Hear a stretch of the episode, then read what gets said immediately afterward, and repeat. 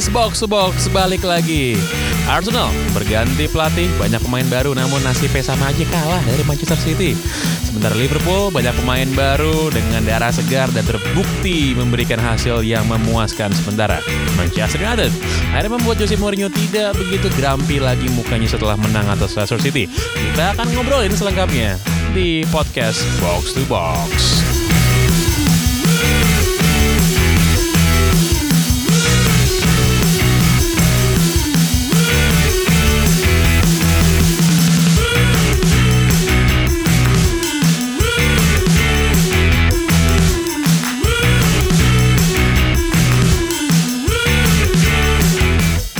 Assalamualaikum warahmatullahi wabarakatuh. Salam sejahtera Salam dalam nama Diego Maradona.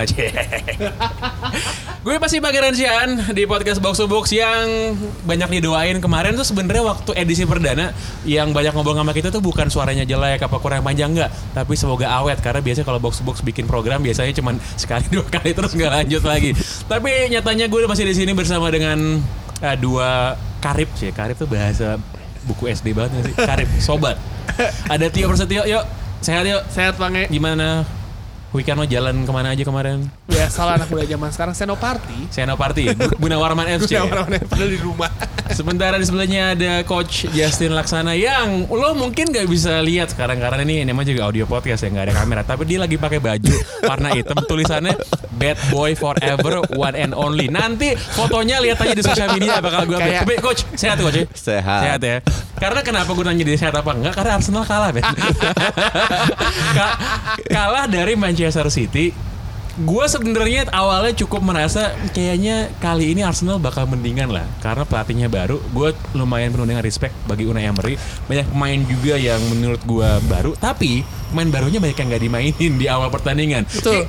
Pu- punya kiper baru, Bern Leno. Iya. Tapi di bench, Peter Cech entah kenapa jadi starter dan kalau lihat gol pertamanya Raheem Sterling, itu Peter Cech tangannya nggak ngejulur gerak, itu. betul, itu kayak yes. kenapa menurut lo coach? Ya kalau gue bilang memang jangan terlalu melakukan perubahan yang terlalu drastis ya. Ini kan kan kita bicara melawan City yang sudah berjalan seperti mesin eh, juara juara bertahan. Tapi gue sih sangat happy, sangat amat happy karena pertama kali gue ngelihat Arsenal bisa melakukan high press.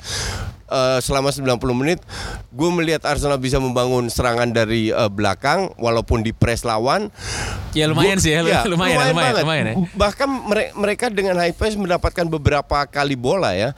Dan gue juga melihat eh, Arsenal bisa berani mela- eh, bermain ke depan pada saat mereka tertekan, tidak dikit-dikit kiri kanan belakang, kiri kanan belakang. Walaupun kalah dari sisi ball possession, that's okay. Tapi perubahan ini sangat kelihatan, walaupun memang masih belum otomatis, masih belum kompak karena ini eh, strategi baru butuh waktu. Memang dan pemain depan terutama Ozil tampil buruk ya kalau gue bilang. Ya Arsenal gaya pemain berubah kan kan gue tadi udah bilang di awal pemain sih berubah hasilnya sih kagak. Same old story back for Arsenal. Ka- kalau hasil memang belum ya, tapi eh, Belum apa emang gua- akan? Gue yakin di atas MU kok, santai aja. Wih, gila, gila, gila, Di atas. MU katanya. Oh, iya, iya, Iya, iya, iya. lo mau lo mau taruhan sama gue? Boleh. Mau taruhan apa Yakin ya? gue. Mau taruhan apa nih Ya, kita nih? Ini apa aja? ini didengar oleh Tio dan juga oleh ribuan pendengar Iya. dari box to box. Lo mau taruhan apa? Bahwa Arsenal akan di atas MU musim Arsenal akan di atas MU. Ya. Kok gue? Oke. Nah, nah, nah, nah, Oke, kan gue gue penengah nih ya, gue penengah nih ya. Jadi taruhannya mau apa nih? Jadi kalau misalkan Arsenal ke MU pengen ngasih coach apa? Kalau misalkan Kalau dia dia masih ngutang gue satu kaos. kalau Arsenal finish di atas MU, gue beliin tiket PP ke Singapura deh.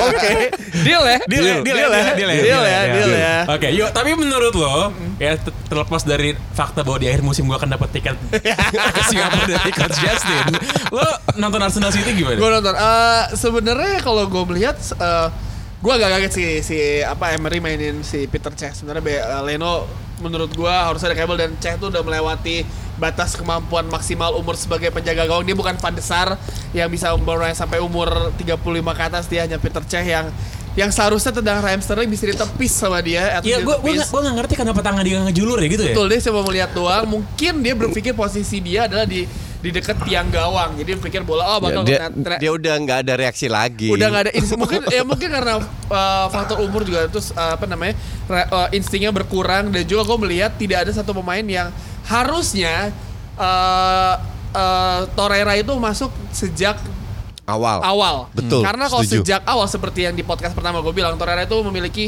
uh, statistik uh, stop ball paling banyak di Uruguay selama di Piala Dunia dan dia beneran pas di Napoli juga statistiknya s- sangat bagus. Kenapa mainin babak kedua?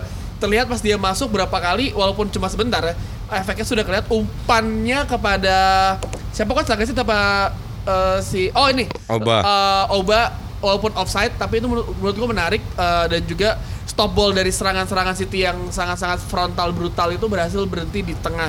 Itu yang nggak dimiliki Marcel. Dan juga kita pas gol Sterling yang gol Sterling itu uh, Gundosi ja- jaganya juga seperti kayak uh, anak SD main bola tarkam lah. Lo jaga bola lu jagain Sterling yang cepet gitu jagain cuma gitu doang dilepas Itu- ditendang jadi kayak hmm, Tio, jumlah jumlah apa namanya passingnya Torreira itu 15 dibanding Ramsey hanya 11. Padahal to, padahal Torreira mainnya cuma cuma masuknya belakangan. 15 menit. Iya, masuknya belakangan. Tapi kalau kalau kalau kalau 70 Ramsey sih menurut gue itu salah posisi aja sih dia dia mungkin emang nggak cocok aja main di bawah striker kan Hmm. Eh, masih ada masih eh, pas diganti sama Lacazette permainan Arsenal lebih lebih berkembang dan eh, Ramsey sebenarnya nggak bisa main di posisi itu itu udah salah Re- Ramsey main di salah. posisi apa aja nggak bisa.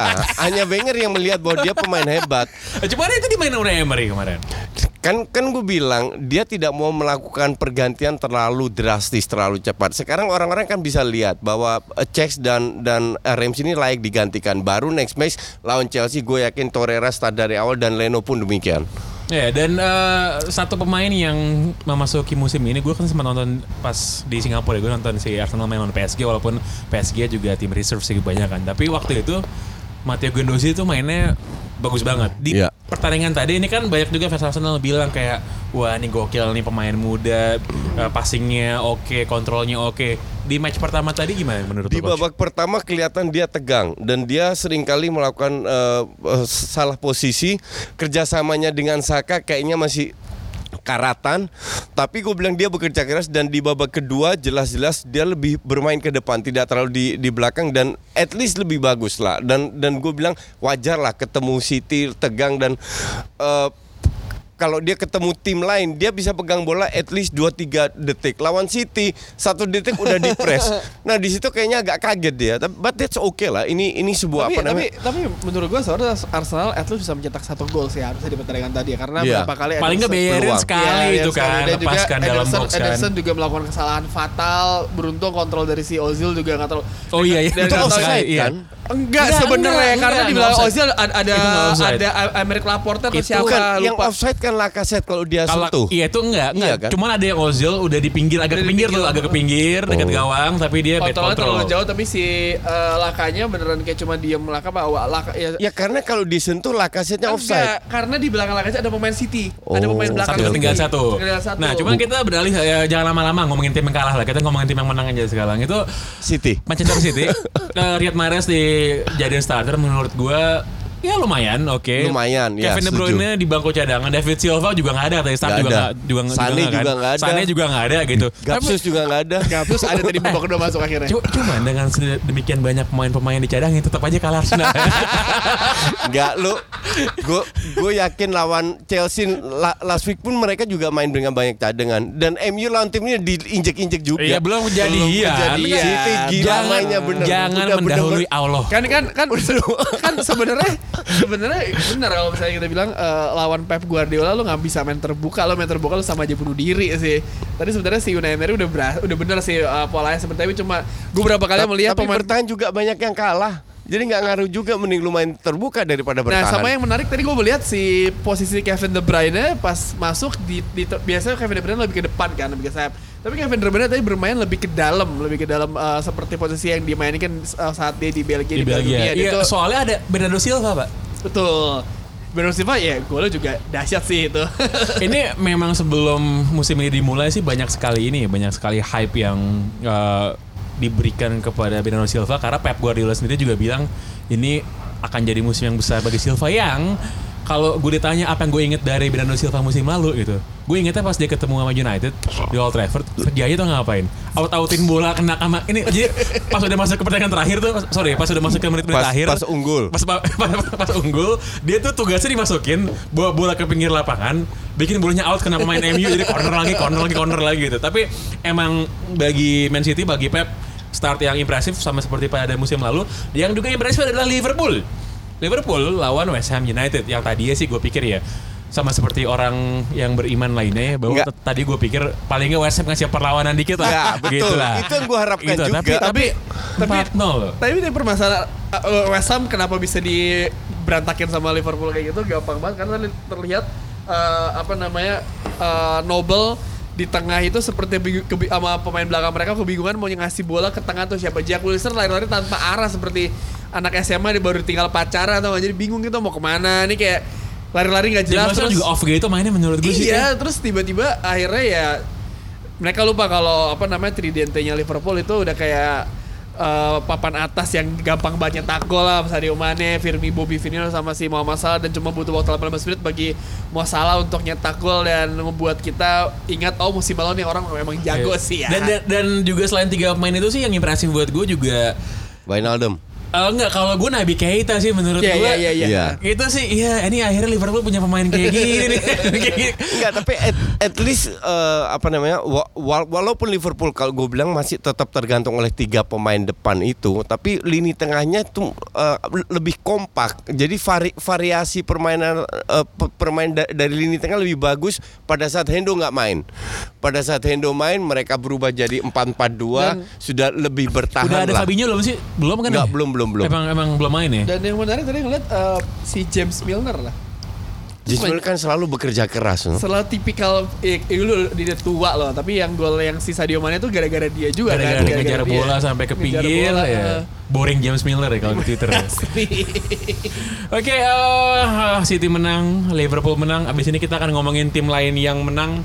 Walaupun menangnya nggak setelak City dan nggak setelak dari Menangnya dengan luck ya. Nggak dengan luck juga sih, dengan gol look show. Tetap di box to box kita akan ngomongin Man United dan juga Chelsea abis ini.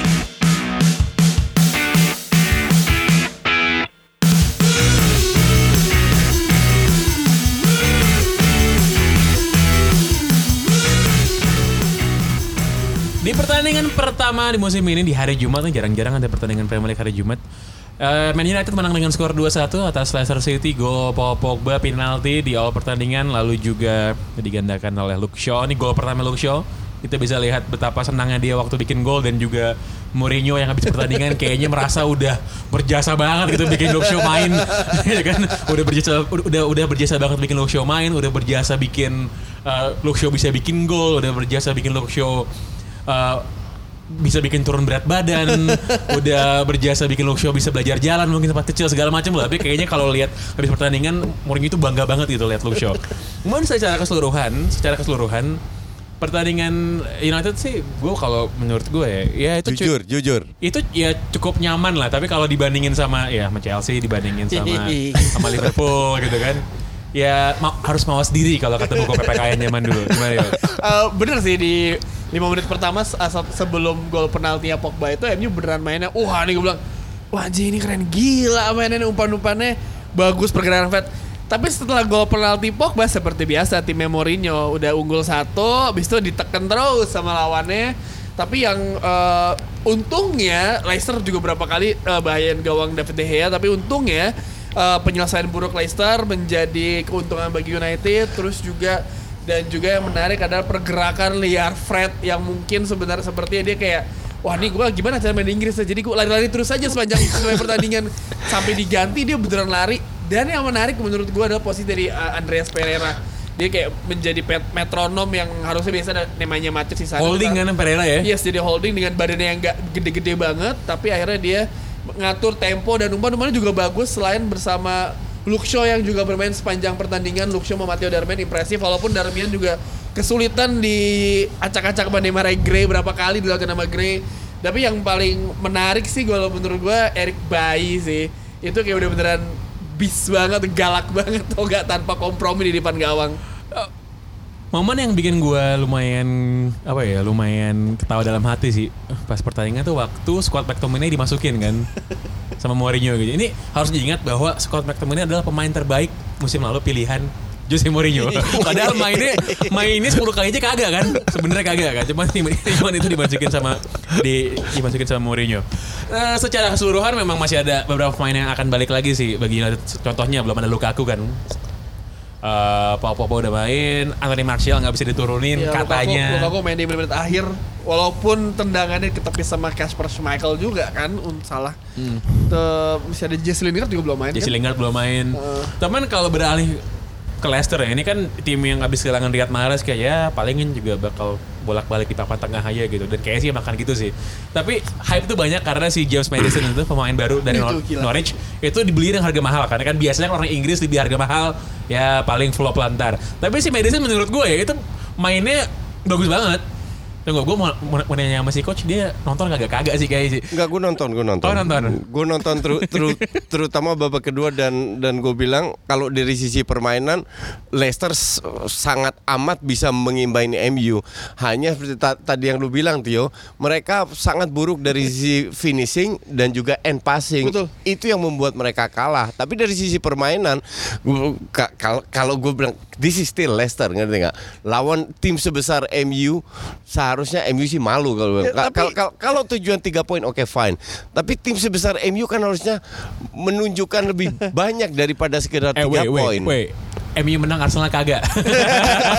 tapi tapi yang yang yang menarik adalah mungkin sebelum pertandingan ini orang-orang kayak berpikir kayak wah David De Gea ini kayak Karius setelah Piala Dunia berantakan.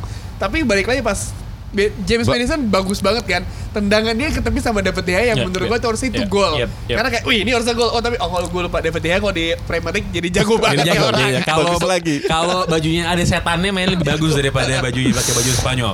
Eh, beralih ke pertandingan berikutnya Chelsea menang 3-0 atas Huddersfield. Ini partai debutnya Mauricio Sarri di Premier League. Juga partai debutnya Jorginho yang menurut gue mengesankan. Lo liat penaltinya gak sih? Yoi. Itu penalti anjing banget kalau lo lihat. Penaltinya tuh kurang ajar tau lo.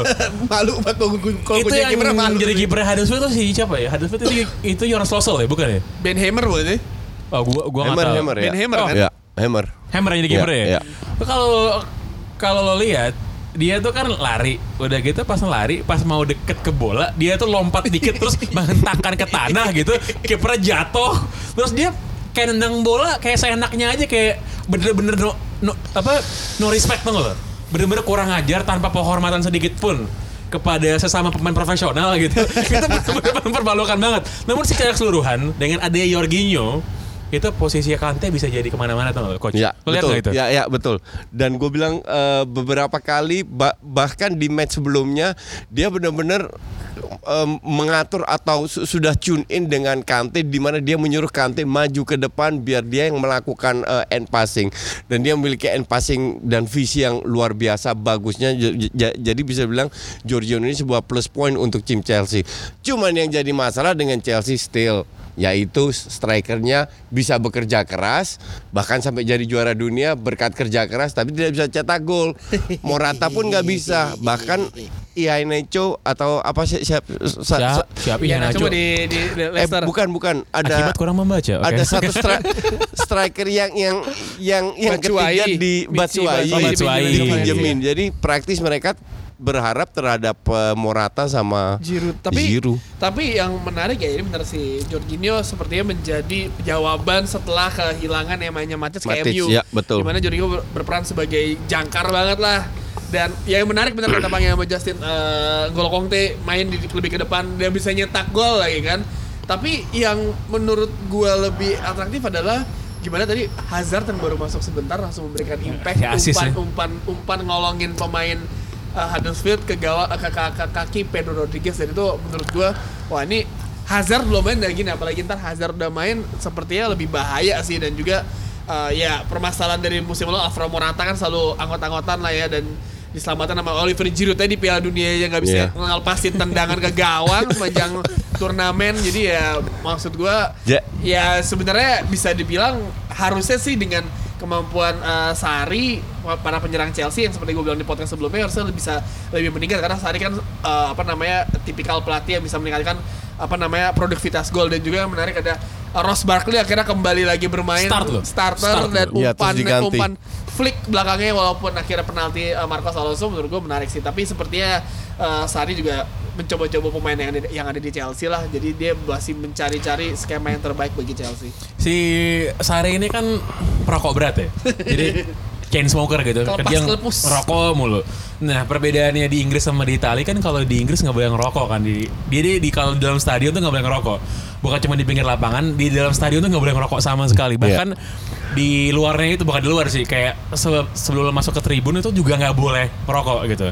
Nah, yang namanya perokok kan ada sakaunya gitu kan ya. Iya. Ka- pepe- ka- Kalau nggak ngerokok, Kalau ngerokok- rasa aneh. asem kan asem Iya, ya. iya. Gue sebagai orang yang bukan perokok, gue nggak bisa relate gitu rasa asem tuh apa. Ya gue minum es jeruk asem gitu. Iya.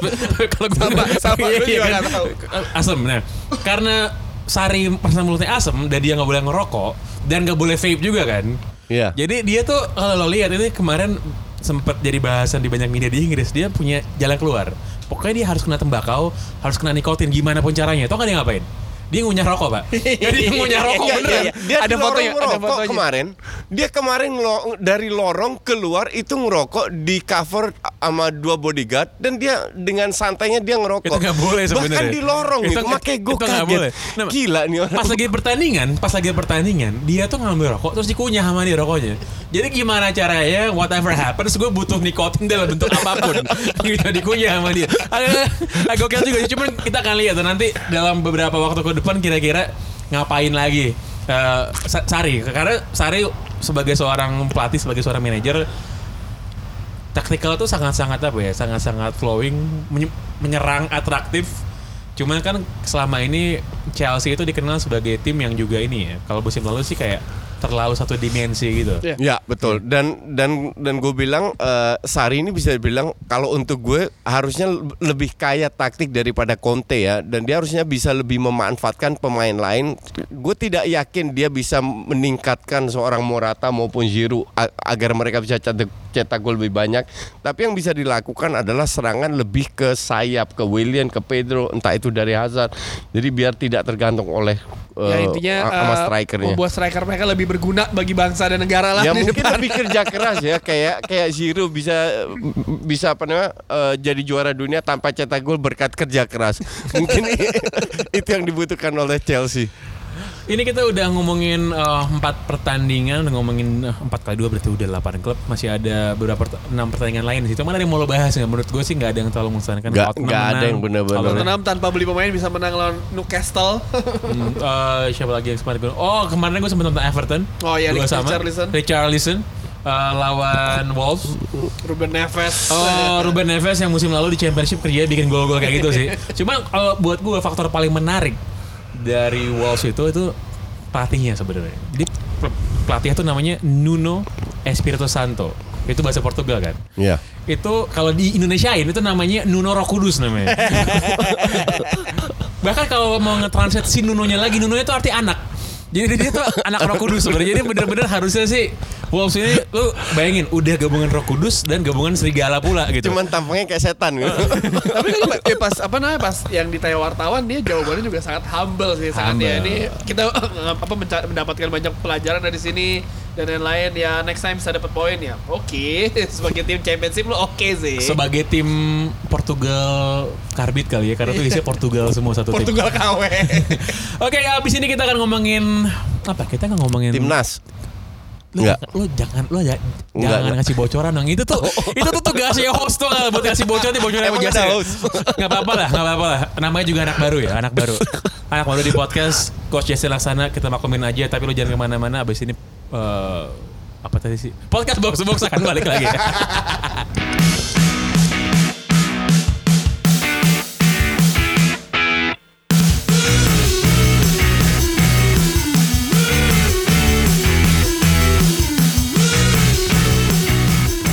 Dalam beberapa hari terakhir kita melihat dua timnas Indonesia eh, berlaga. Satu timnas under 23 plus plus ya. Ini se- seperti halnya kalau bermain di Asian Games atau juga di Olimpiade selalu ada tiga pemain senior yang dimasukkan. Makanya gue bilang timnas under 23 plus plus yang menang berapa skor 4-0 ya? 4-0 4-0 ya. lawan Cina Taipei atau Taiwan. Taiwan. Itu sebenarnya tergantung political correctness-nya yang mana kalau tersesuai sama statusnya internasional tuh. Soalnya soalnya ini sensitif. Lo lo Iya, mungkin iya. nggak tahu nih, tapi kalau lo ngomong keluar gitu ya kan, lo ngomongin Cina Taipei sama Taiwan, nah itu lumayan sensitif lah. Tapi ya kita di sini nggak ada yang sensian, jadi nggak usah dibahas. Eh, ini jadi pertandingan pertama di babak penyisian Asian Games. ya Indonesia targetnya apa sih kalau nggak salah empat besar ya? Semifinal Semifinal Semifinal, besar ya. ya. Iya. Oke. Jadi karena baru pertandingan pertama, menurut gua nanti kita akan bahas seiring waktu berjalan. Gue mau ngomongin timnas under 16. Under 16 yang menjadi juara AFC under 16. AFF. Eh, sorry AFF bahkan ya AFF Iya. Asia Tenggara. Iya. AFF under 16 ngalahin Thailand kemarin dengan adu penalti Ya. di babak final. Nah, eh banyak orang yang mengucapkan selamat, turut senang, bangga dan lain-lain. Gue juga turut senang dan turut bangga. Bahkan gue sempet datang gitu dengan kawan kita dengan Pak Bona gitu kan. Eh mungkin kalau lo belum tahu siapa Pak Bona nanti kan kita kasih tahu dalam edisi-edisi mendatang. Tapi yakinlah bahwa Pak Bona akan menjadi bagian penting dari podcast ini dalam waktu depannya. Ya. Eh, jadi gue kan sempat datangnya ke sidoarjo dengan Pak Bona untuk bertemu dengan beberapa pemain timnas under 16 ini kan ka- karena kebetulan kami sangat memperhatikan sekali bagaimana keberlangsungan dan juga masa depan dari adik-adik kita ini.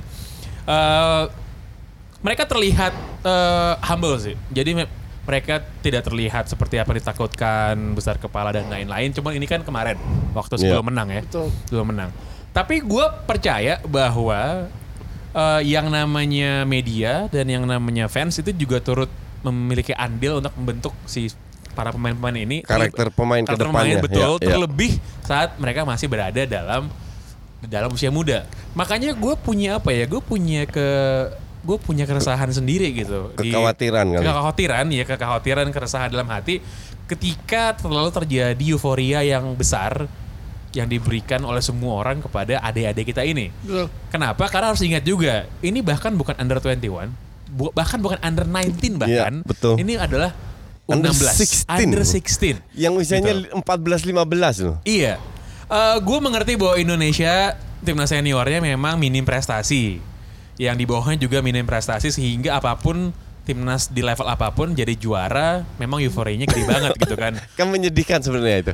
Iya, cuman kan kita udah pernah berada di situasi seperti ini sebelumnya kan Yo ya? Betul. Seperti waktu under 19 dulu Yang juara AFF ya. kawan-kawan. Iya. Juara AFF Terus di AFC dibantai. pas pas masuk AFC iya dikalahkan dengan telak dan tidak banyak berbuat gitu.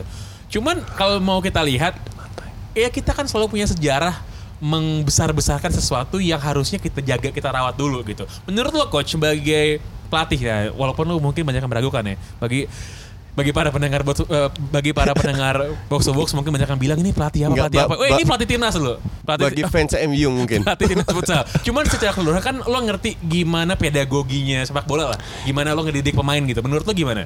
Ya karena gue gue sendiri juga dari usia 12 sudah ikut SSB ya. Jadi gue gue pernah mengalami di usia 15 16 bermain. Tapi kalau gue ba- bandingkan dengan Eropa, gue tidak bahkan eh, berapa tahun gue tidak pernah ingat atau tahu bahwa ada sebuah sebuah negara yang gila bola yang mengeuforiakan U16 seperti ini.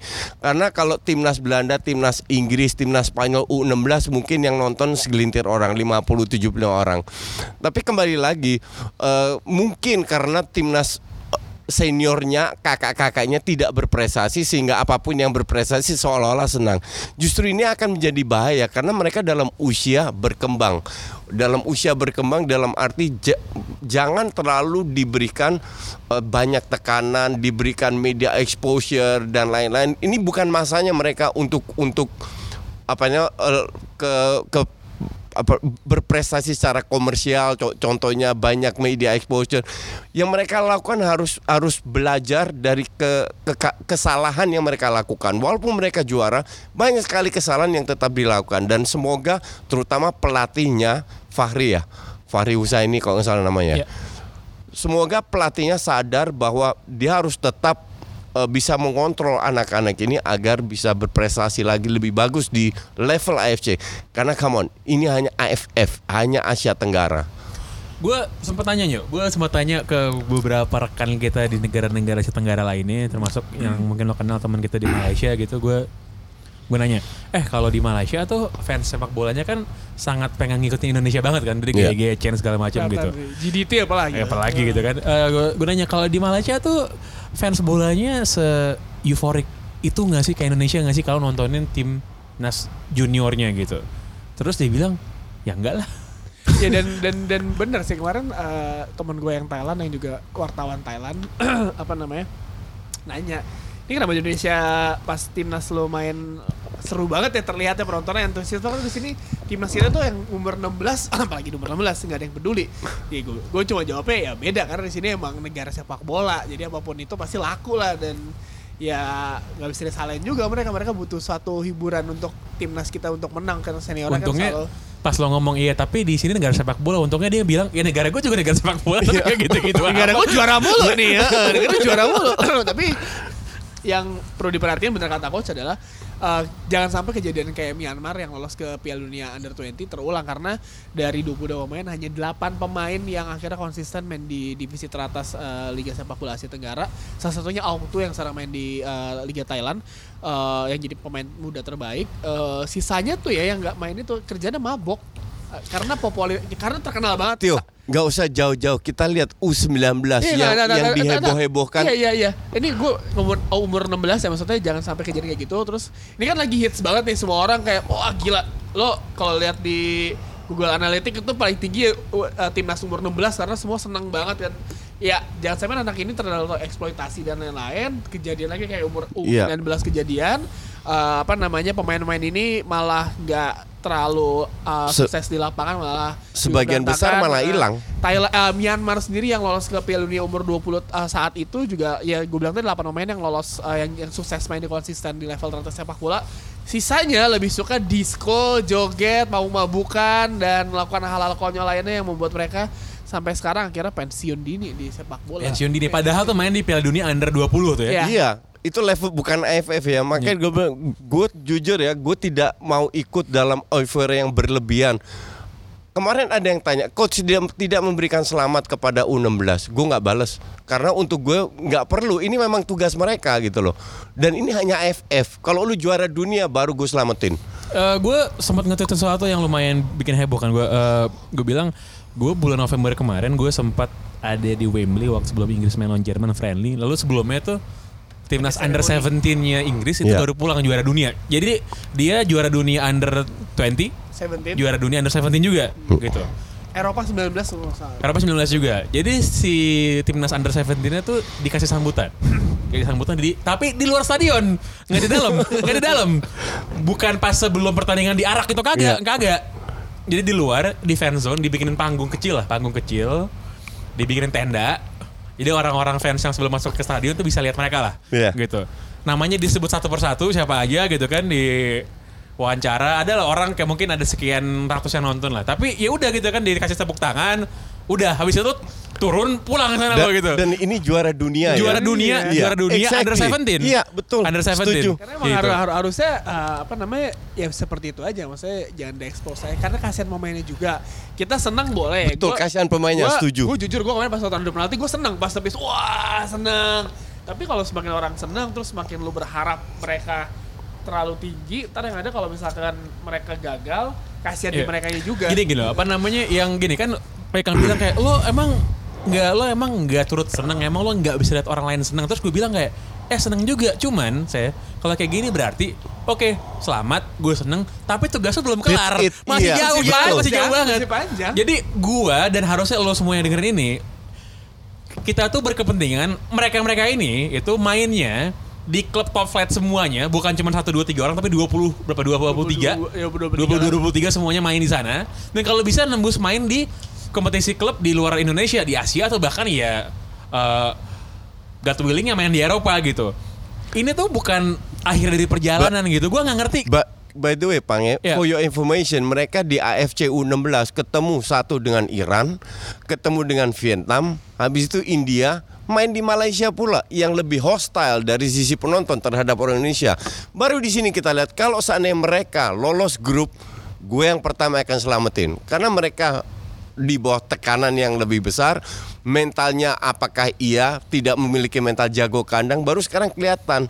Tapi kalau di kandang level AFF untuk gue mah bukan sesuatu yang harus dibanggakan. Dan dan dan kemarin yang menarik sih sebenarnya pertandingan di final itu eh, terlihat banget setelah sekitar babak kedua lah Indonesia mainnya terlihat terlalu se- se- sedikit tidak terlalu rapih ya terlalu gerasa kerusuk dan akhirnya gue bilang ini kalau kejebloan menit akhir pecah juga sih Indonesia kan sama kayak Inggris kalau udah penalti berantakan. Tapi menang, Ya tapi kan? menang, tapi, tapi tapi menang, tapi tapi menang. menang. dan dan ya bener kan bener pas main adu penalti gue nonton pas tepis gue seneng gue teriak gue tapi ya bener kata bang kayak perjalanan lu masih panjang nih. Ya itulah Banget. yang itu ya. Jadi gue pengen menutup podcast ini dengan dengan pesan itulah. Bukannya kita nggak senang, bukannya kita nggak turut bangga, tapi apa lo mau bahwa kita punya bakat-bakat yang luar biasa ini itu layu sebelum berkembang karena kenapa ya karena lo lo juga gitu. Yang kan nggak mau kan? Iya betul setuju. Gitu. Jadi betul. yang harus dilakukan adalah itu kita dukung, kita jagain, kita rawat, kita doain.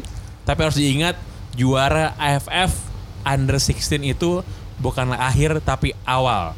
Untuk nyampe ke tujuan akhir adalah masuk timnas senior jadi juara dunia ya nggak sih? Iya, Betul. betul. Iya sih? At least ikut Piala Dunia under Iyalah. 16 lah atau Oke. under 17 gitu. Oke, itu tadi eh, akhir dari podcast Box to Box. Thank you Tio dan thank you Coach Thank you. Justin sudah bergabung juga bagi Anda para pemirsa, Cik, pemirsa men. Para pendengar Box to Box yang budiman eh, jangan lupa untuk subscribe. Di sini insya Allah akan tersedia di banyak platform ya. Akan sedia di iTunes dan juga Spotify iTunes dan juga Spotify. Jadi nggak cuma di dan SoundCloud podcast aja. player juga untuk Android ada. Podcast player juga untuk Android. Jadi silahkan subscribe karena ini the only one sampai saat ini the only one football podcast and I think the best football podcast di Indonesia. Box to box. Sign.